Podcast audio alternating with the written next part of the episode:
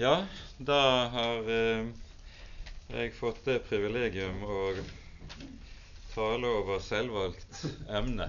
Eh, det er ingen som har bedt meg om det, men siden jeg sitter i bestyrelsen, så fikk jeg lov til å velge tema sjøl når jeg ble spurt om å ha en av disse timene. Og det er valgt ut fra mange års opptatthet med nettopp denne problematikken, anstøtet i forkynnelsen. Eh, grunnen til at jeg har vært mye opptatt med denne problematikken, er jo selvfølgelig det at som eh, prest og forkynner så foregår det et stadig arbeid med forkynnelsen og med Guds ord eh, som kaster en tilbake på en del grunnleggende problemstillinger.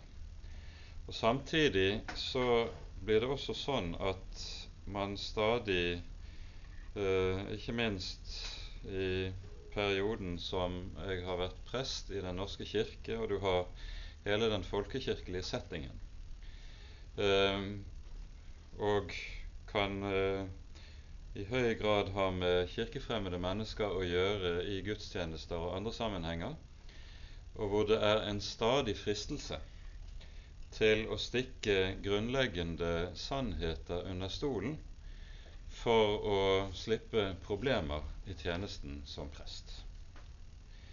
Det handler altså om eh, et ganske sånn personlig problem, eh, for det er det for anstøtet i Guds ord eh, stiller forkynneren overfor, nemlig det som har med menneskefrykten å gjøre, og menneskebehaget, trangen til å være forsamlingen til behag, og få klappet på skulderen etterpå eller de varme håndtrykk etterpå ja, dette var en varmende og god preken. Men som noen går ut med et annet utbytte etter preken fordi det kanskje har vært båret frem noe som var i sannhet anstøtelig. Ikke fordi predikanten ønsket det, men fordi det Guds ord som han var satt til å frembære, i seg selv bærer et anstøt. Da var det kanskje ikke så kjekt å stå i, ved utgangsdøren i kirken og trykke folk i neven, for det var kanskje ikke alle som var like takknemlige. Og Dette har altså med en personlig kamp å gjøre som jeg tror alle som arbeider med forkynnelsen, er nødt til å be eh, på en måte å gjøre seg bevisst eh, at det ordet som er gitt oss å formidle videre, det inneholder en del grunnleggende sannheter som mennesket ikke bare av i dag, og det handler ikke bare om det moderne mennesket, men det handler allment om det falne mennesket, finner disse sannheter uakseptable ja, anstøtelige. Og hvordan skal jeg som forkynner forholde meg til nettopp anstøtet i forkynnelsen? Det er altså noen ord som eh, for å sette fingeren på bakteppet for akkurat temavalget.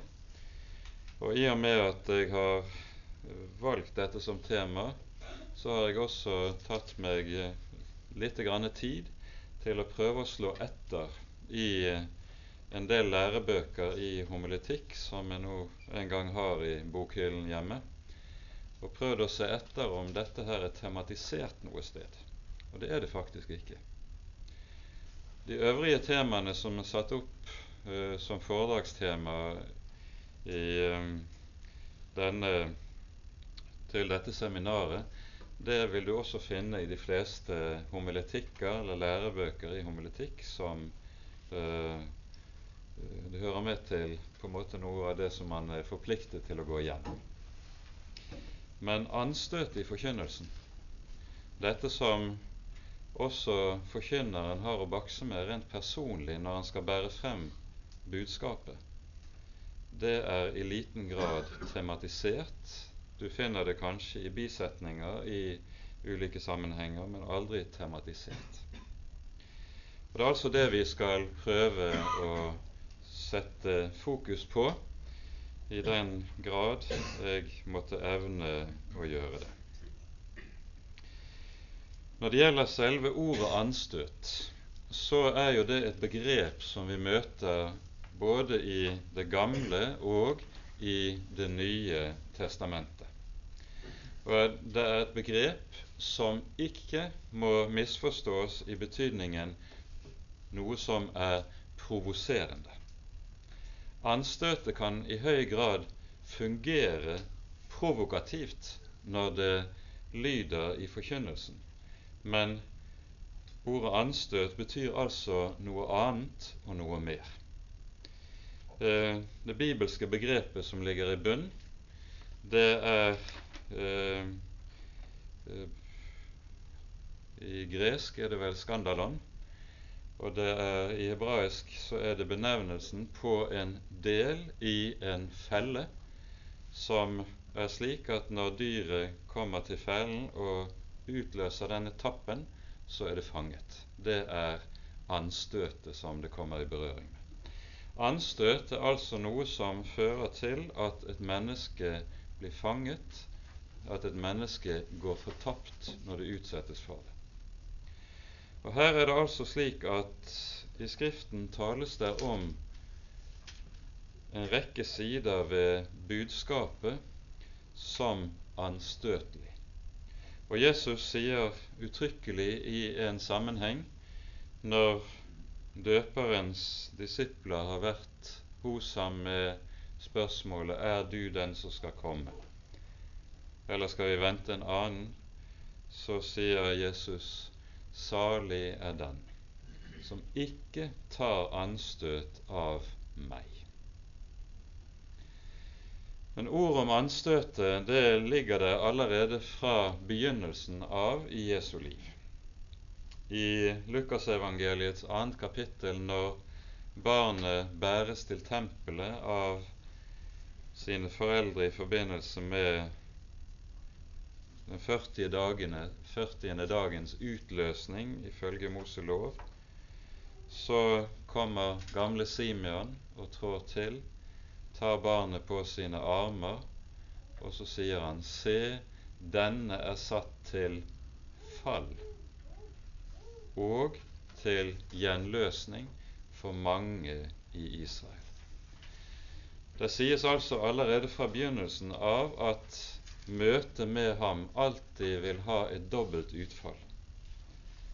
Han vil så å si fungere som et vannskille overfor menneskene, og mange er altså de som skal ta anstøt, som skal komme på fall i møte med ham.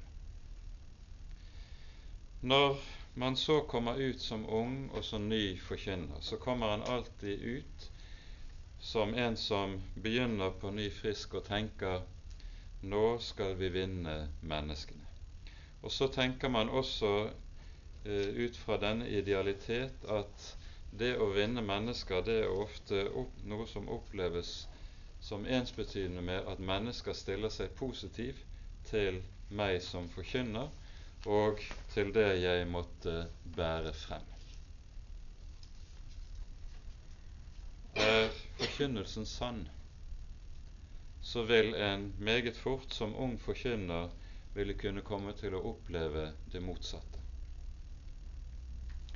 Og så vil en da kastes ut i både det ene og det annet. I våre dager så er det sånn at kommunikasjonsteorien den er noe som har gjort seg i sterk grad gjeldende i møte med forkynnelsen. For det har jo vært så å si et stadig tilbakevendende fenomen når det har vært talt om forkynnelsen. Eh, og diskutert rundt forkynnelsen, så hadde man stadig også talt om forkynnelsens krise i vår tid. Forkynnelsen eh, taler ikke til det moderne mennesket. Det, det moderne mennesket føler at forkynnelsen går det forbi, og så er det krise for forkynnelsen. Og Så kommer en dragende med de ulike typer kommunikasjonsteorier for å hjelpe forkynnerne og forkynnelsen ut av krisen. Og Så blir spørsmålet er dette egentlig noe nytt? Er dette noe som er et særkjenne for det moderne menneskets møte med Gud og med Guds ord? Ja, opplysningstiden vil lære oss det. Schleiermacher vil lære oss det. Under opplysningstiden så kom den eh, kjente tyske opplysningsfilosofen Gottfried eh, Gottlieb Lessing med tanken om Graben-problemet, som det ble kalt for. Han stilte nemlig spørsmålet hvorledes kan et budskap om noe som skjedde for 2000-3000 år tilbake, har noe som helst å si til oss som altså lever på 1800-1900-tallet, og for vår del altså på 2000-tallet. Det er jo en avgrunn i tid mellom disse, og hvordan kan vi vite at disse gamle ord overhodet har noe å si til det moderne mennesket? Og så talte han da om graben-problematikken, det gastige graben, som var mellom vår tid og Bibelens tid. Og så kom spørsmålet da med det på hvordan kan disse gamle ord overhodet ha aktualitet for det moderne mennesket. Dette er altså en problematikk som eh, har stått der og vært reist med gjentatte mellomrom helt fra opplysningstiden kom, og det som altså er det store problemet, er denne merkverdige skapning som kalles for det moderne mennesket. Det moderne mennesket har altså det ved seg at det står på et særskilt høyt stadium som gjør at tidligere tiders erkjennelser, tidligere tiders sannheter, ikke uten videre kan godtas av dette. Og så lever det moderne mennesket da også med dette som en del av sin bagasje, at når det reagerer på budskapet i Skriften, så er det ikke av sannhetsinnholdet eventuelt, men det er av tidsavstanden.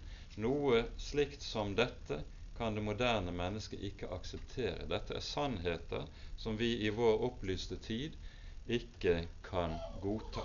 Det er vidnes, snarere vitnesbyrd om primitive tiders gagne forestillinger. Og så Vi kjenner jo hele denne måten å tale på og tenke på. Da kan det være nyttig å gå tilbake, og det tror jeg vi skal begynne med, til et skriftavsnitt der apostelen tar opp nettopp kommunikasjonsspørsmålet og problemet ganske eksplisitt. Det gjør han i de par første kapitlene i første Korinterbrev, der vi har et overmåte betydningsfullt avsnitt når det dreier seg om forkynnelsen. I de tre-fire første kapitlene i første, kapittel, første Korinterbrev, der taler jo Paulus om aposteltjenesten, og innbakt i dette gjelder det særlig i første og annet kapittel eh, også om forkynnelsen av evangeliet. Og vi tar oss her tid til å lese avsnittet fra vers 17 og utover i kapittel 1.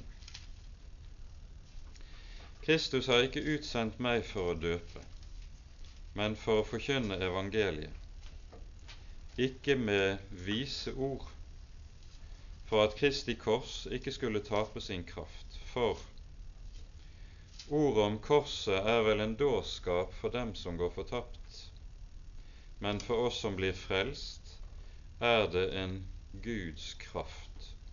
For det er skrevet:" Jeg vil ødelegge de vises visdom, og de forstandiges forstand vil jeg gjøre til intet. Hvor er en vismann? Hvor er en skriftlærd? Hvor er en gransker i denne verden? Har ikke Gud gjort verdens visdom til dårskap?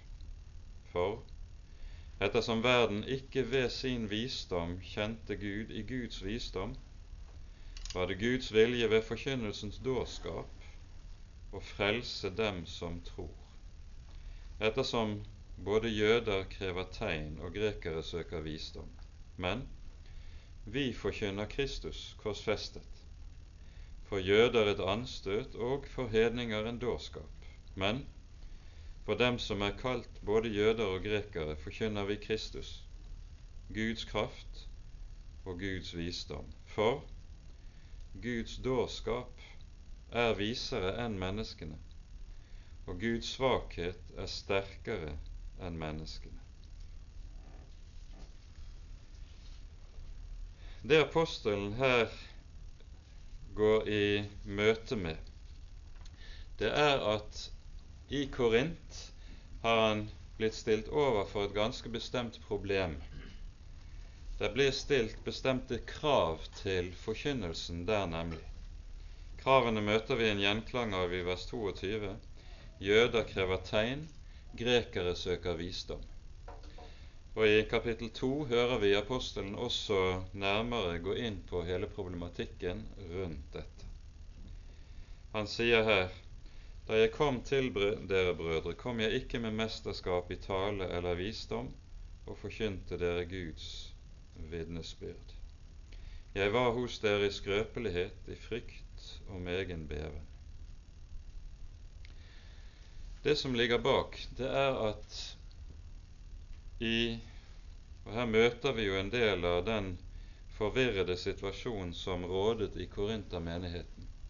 Her er det også gjort seg gjeldende en retning som i større eller mindre grad var preget av gresk visdomstradisjon og tenkning, og som tydelig har følt apostelens forkynnelse som ganske provoserende. Han forkynner ikke med visdomstale eller med retorikkens virkemidler, ehm, og for disse da visdomssøkende korintere så har apostelens forkynnelse virket rå, den har virket grov, den har virket naivt enkel. Og så har de tenkt som følger, kan vi tenke oss, hvis han bare hadde ordlagt seg litt annerledes, så ville vi han kunne nådd mye lenger ut med sitt budskap. Men å forkynne korset på denne måten, som er så provokativ, så stenger han alle veier for budskapet. Det eneste han oppnår med dette, er at folk rister på hodet og sier 'dårskap, dårskap'. Og slik var det han altså ble bedømt. Så kommer kravet til han fra altså antagelig en gruppe i menigheten i Korint. Du må føre langt mer av visdomstale. Da vil du på en helt annen måte kunne kommunisere med befolkningen her i den gresktalende verden, som er så opptatt nettopp med Sofia med visdommen. Og så er det altså at Paulus svarer på dette.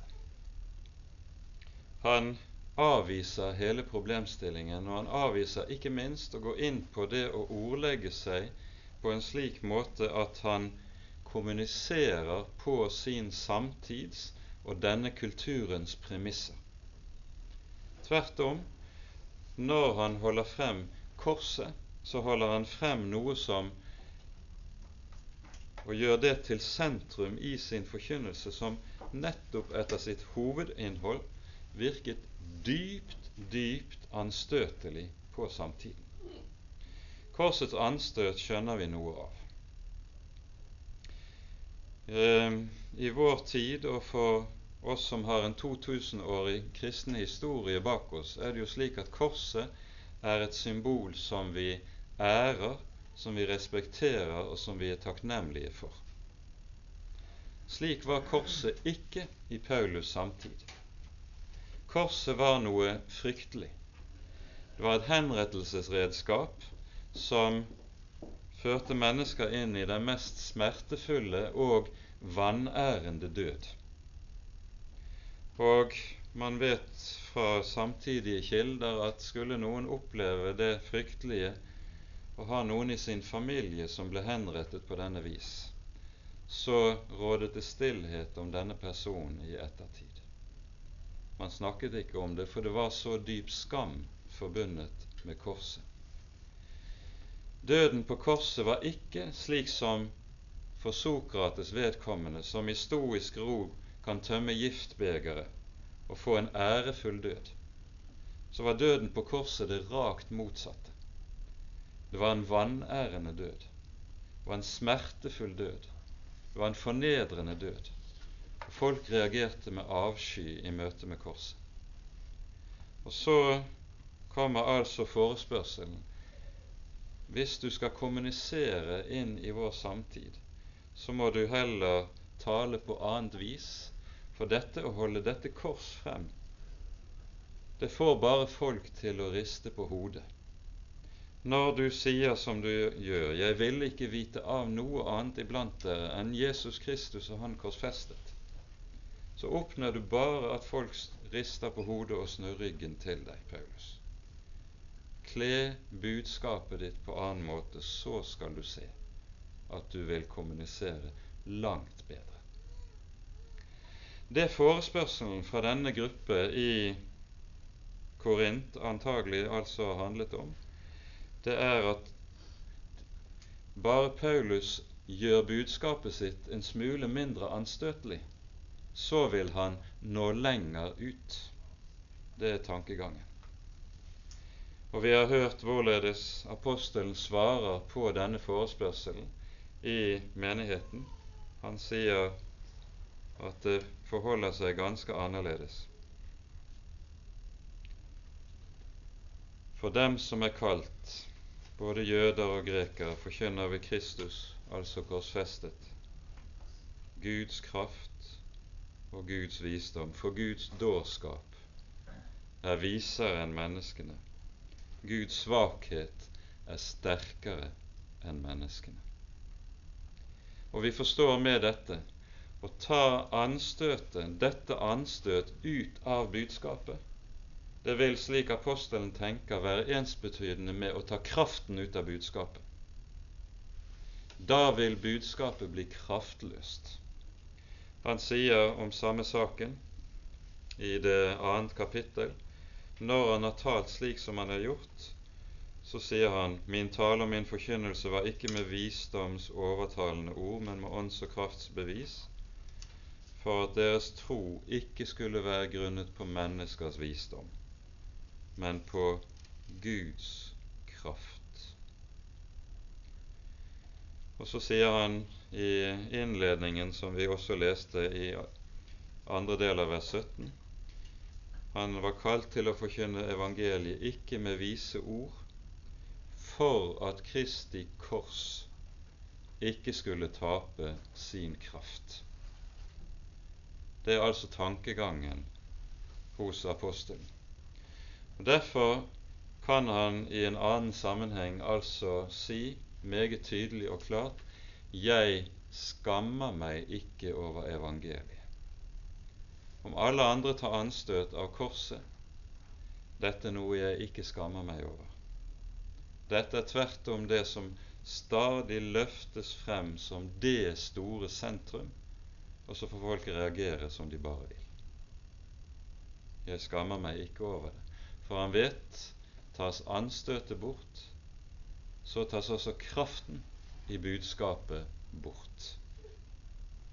Og Derfor er altså apostelen ikke synderlig villig til å tilpasse budskapet for at det skal bli mer spiselig for de dannede, de som måtte finne på å sette den typen krav til forkynnelsen. Vi møter noe lignende i Kristi eget virke, nemlig når han er kommet til en helt avgjørende situasjon eh, eller tidspunkt i sitt virke. Vi er inne i Johannesevangeliets sjette kapittel. Her hører vi om mettelsen av de 5000 og den etterfølgende samtale i, utenfor synagogen i Kapernaum, der Jesus sier uttrykkelig dere søker meg ikke fordi dere så tegn, men fordi dere åt av brødene og ble mette. Altså, de fikk noe som tilfredsstilte dem, men de så ikke tegnet, nemlig dette som skulle fortelle noe om hvem Jesus var. Og I det påfølgende så gir han seg så til å utlegge hemmeligheten med sin person, som ender opp i de uhyre sterke ordene fra vers 54 av og fremover, der han sier eh, den som eter mitt legeme og drikker mitt blod, han har evig liv, og jeg skal reise ham opp på den siste dag hvorpå reaksjonen kommer umiddelbart. Da de hørte dette, sa de. Dette er hård tale. Hvem kan høre slikt?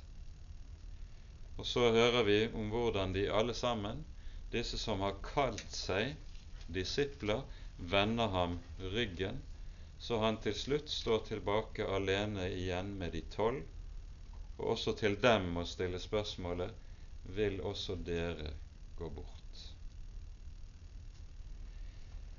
Når han møter reaksjonen fra folket ved denne anledning Dette er hård tale, altså dette er noe som er totalt uakseptabelt. Det er oss helt ubegripelig, og vi kan ikke akseptere det som han her legger frem.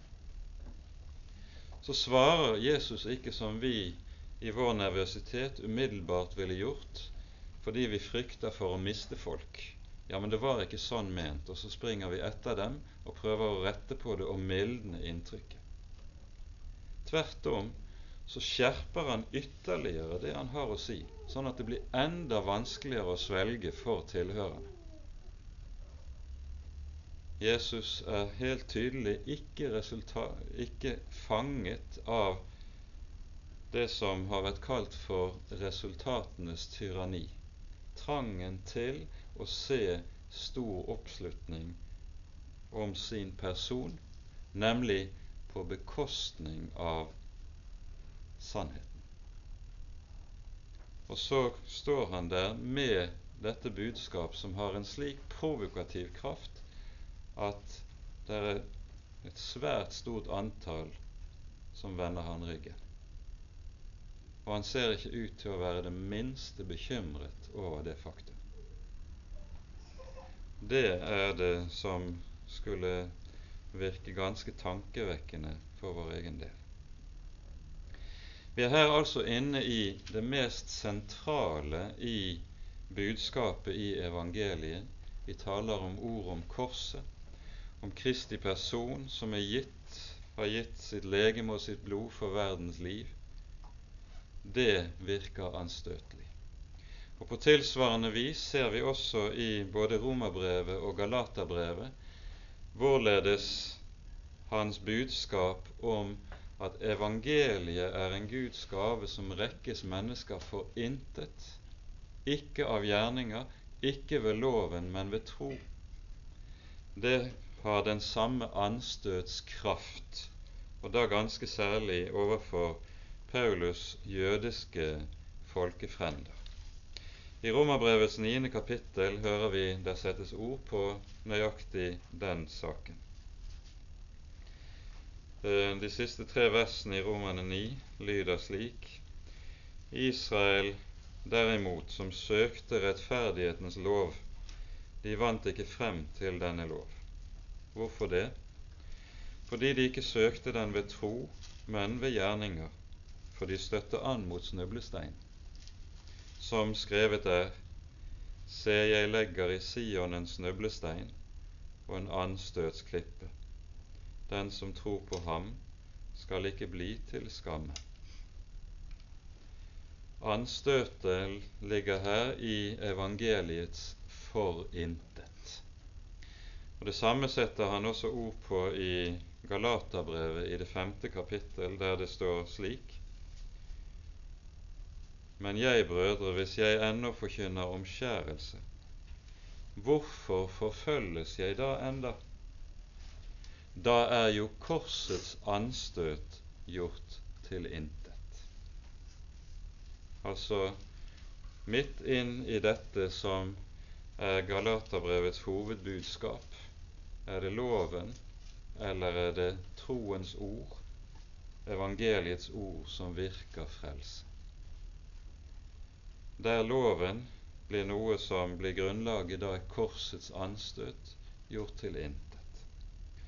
Og Så ser vi hvorledes eh, apostelen her i ulike sammenhenger peker på at det helt sentrale i evangeliet, det er i seg selv anstøtelig for mennesker, så sant det forkynnes og bæres frem klart og tydelig.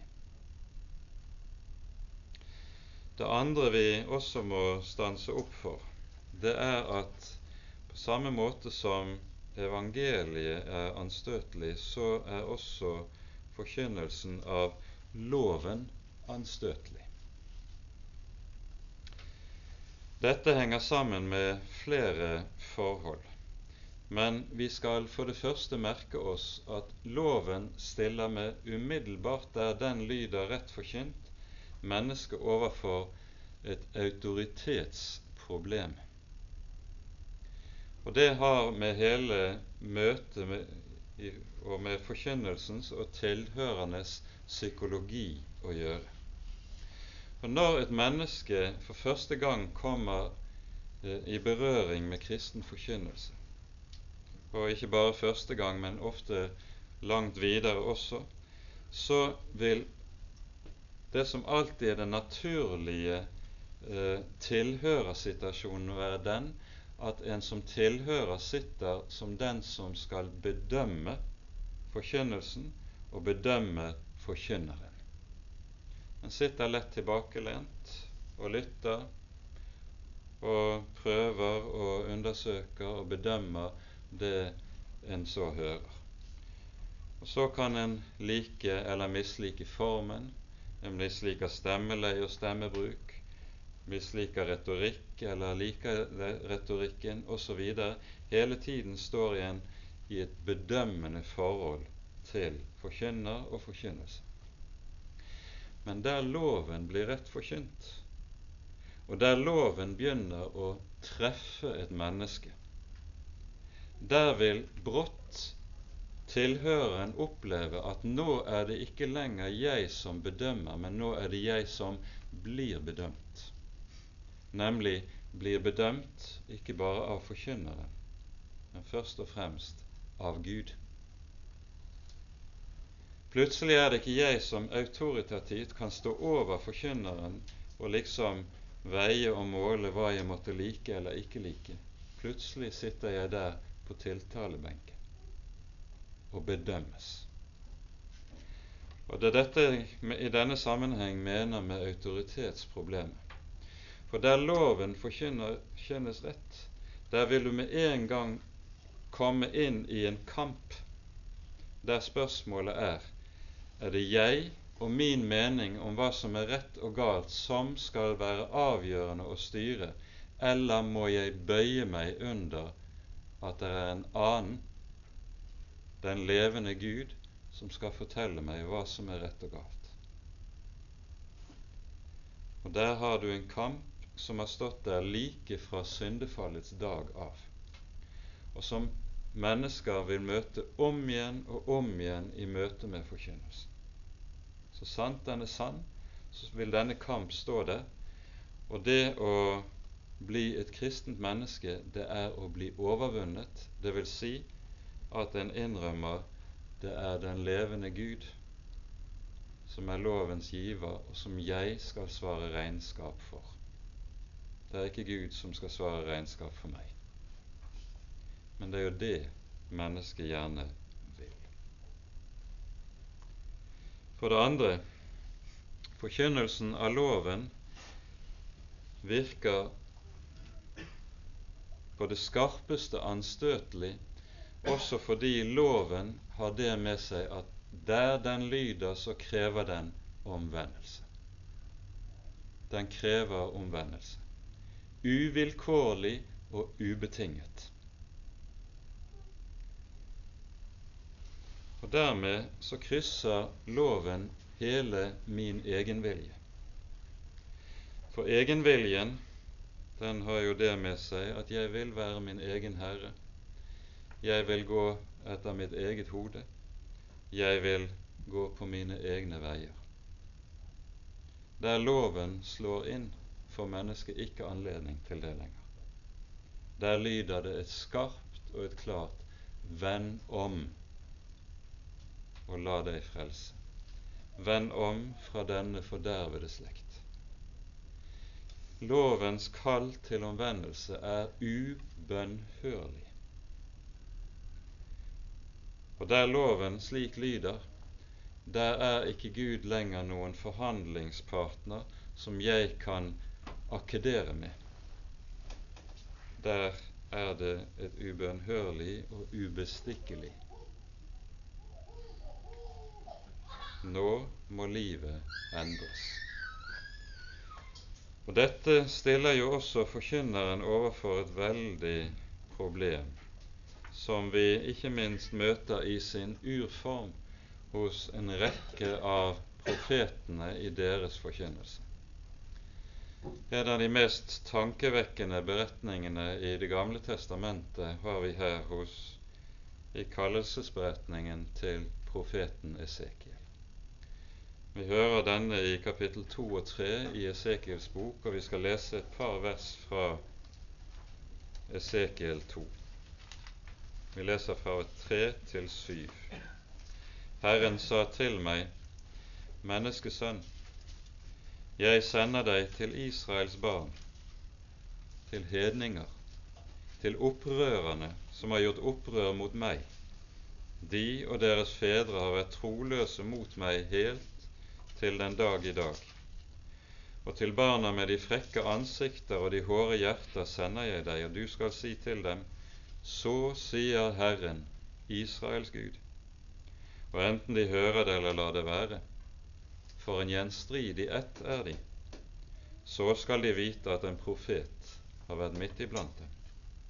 Men du menneskesønn, frykt ikke for dem, og frykt ikke for deres ord. For nesler og torner er du omgitt av, og mellom skorpioner bor du. Frykt ikke for deres ord, og bli ikke forferdet for deres åsyn. For en gjenstridig slekt er de. Og du skal tale mine ord til dem, enten de hører eller lar det være, for gjenstridige er de. Han som kaller Esekiel, gir han ingen illusjoner om hvordan han vil bli mottatt.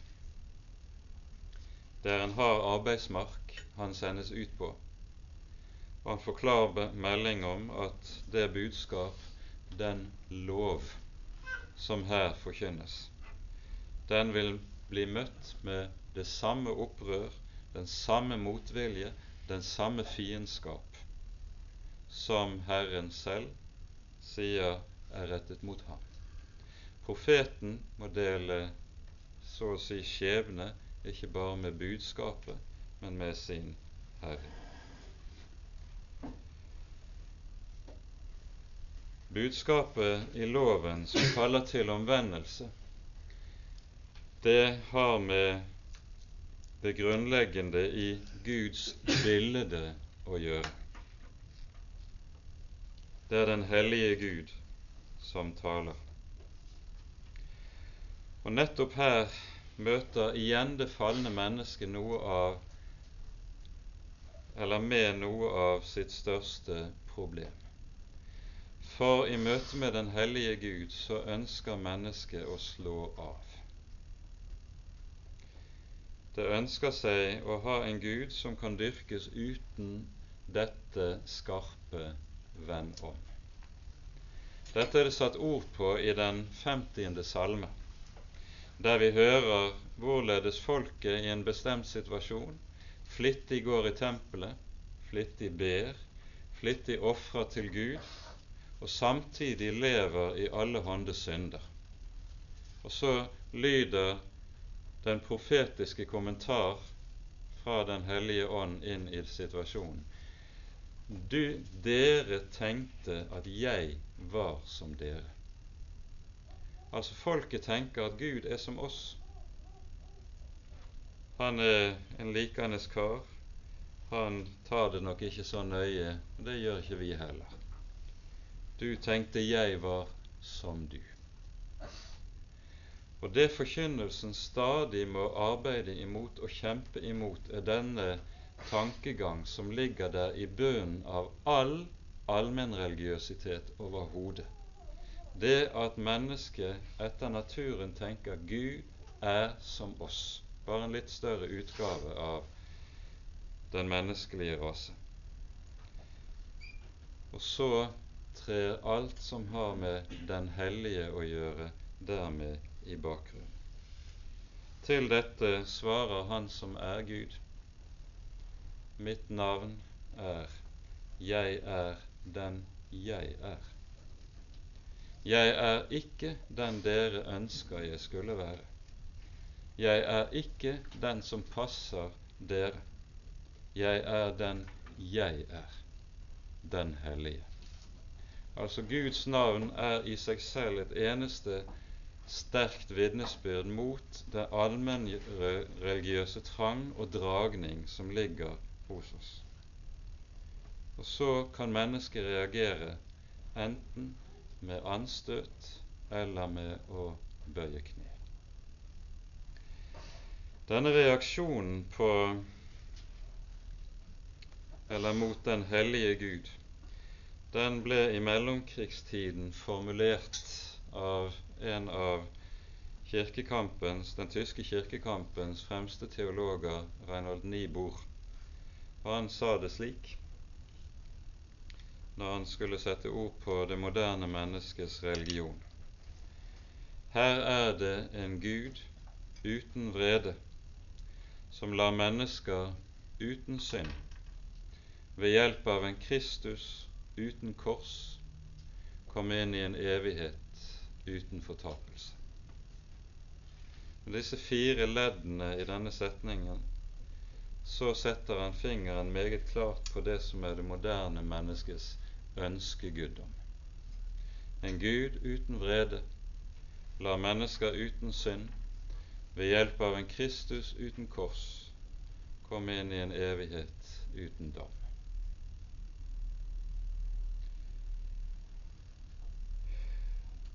Nå renner tiden ut, men vi må kort si noe om hva som er bakgrunnen for at gudsåpenbaringen, enten den kommer som lov eller evangelium, virker så anstøtelig.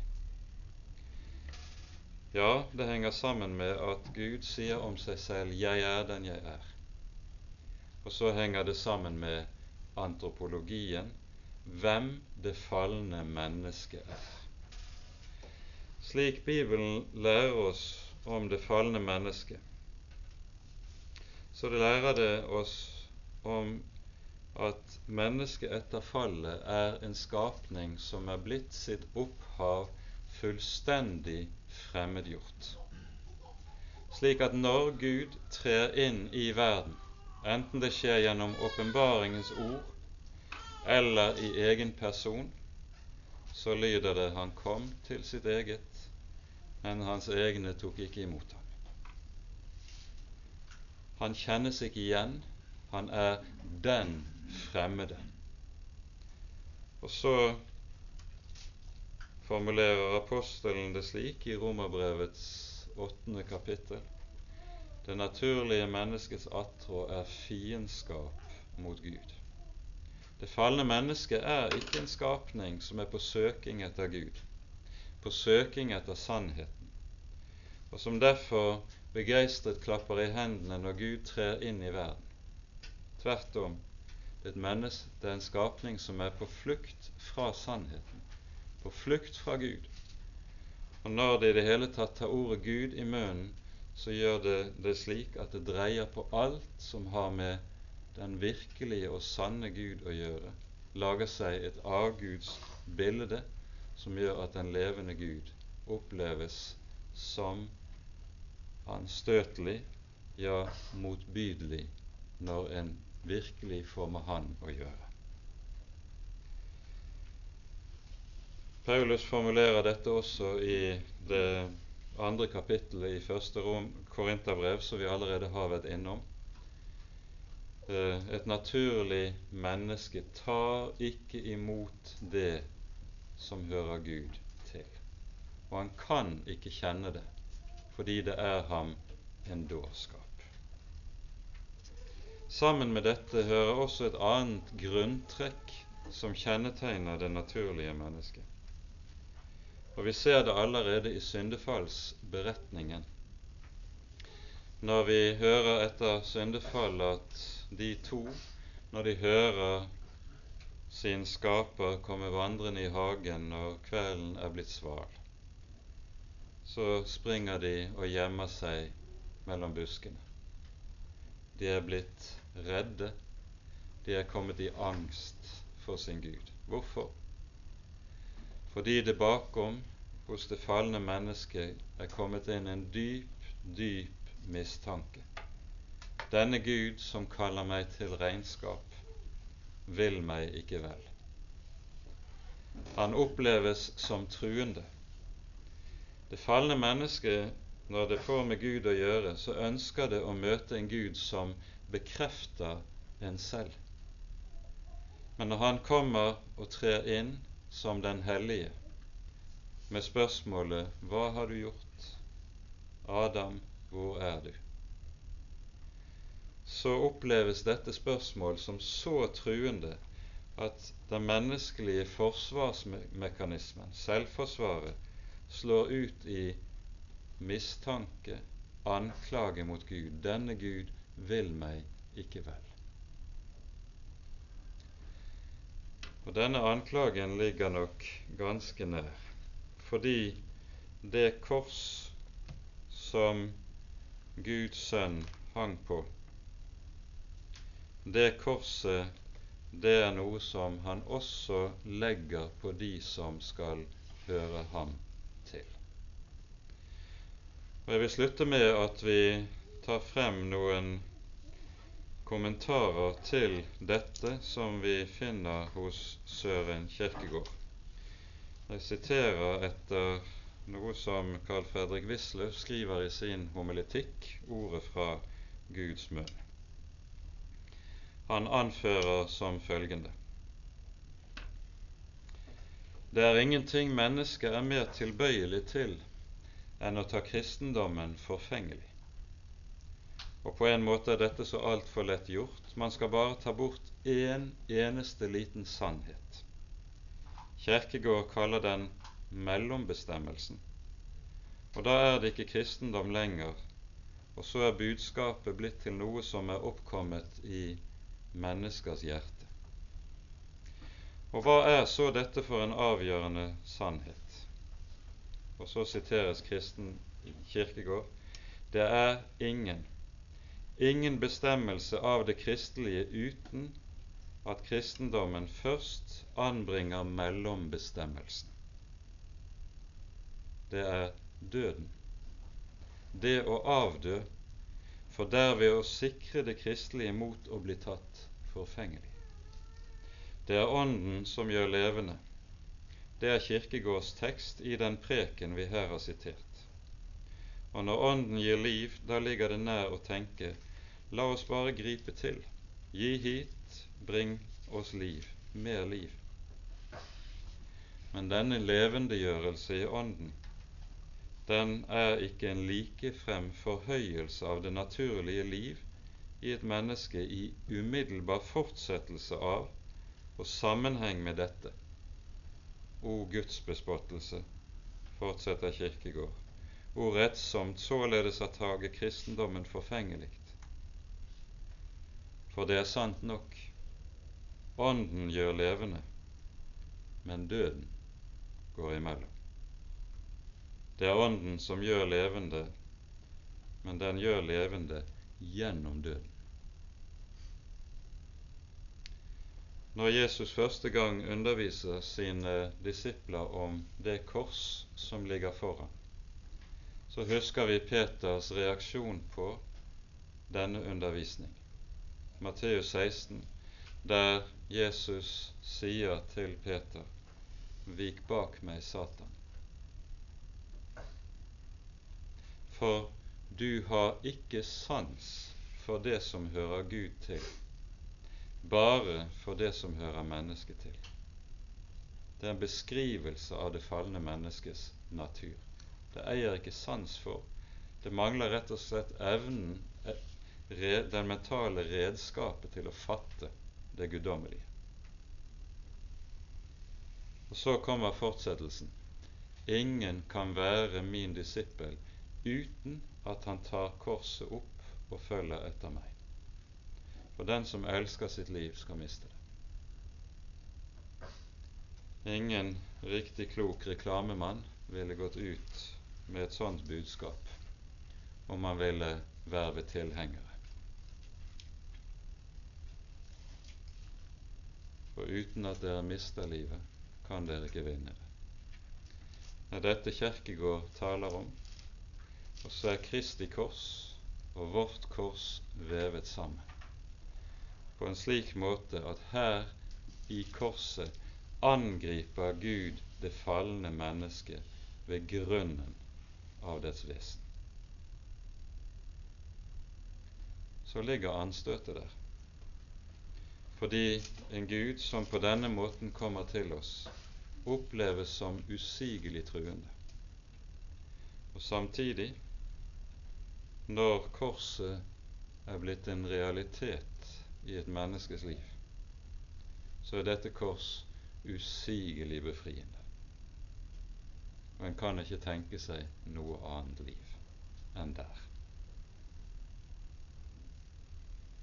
Ære være Faderen og Sønnen og Den hellige ånd, som var og er og være skal, en sann Gud, høylovet i evighet. Amen.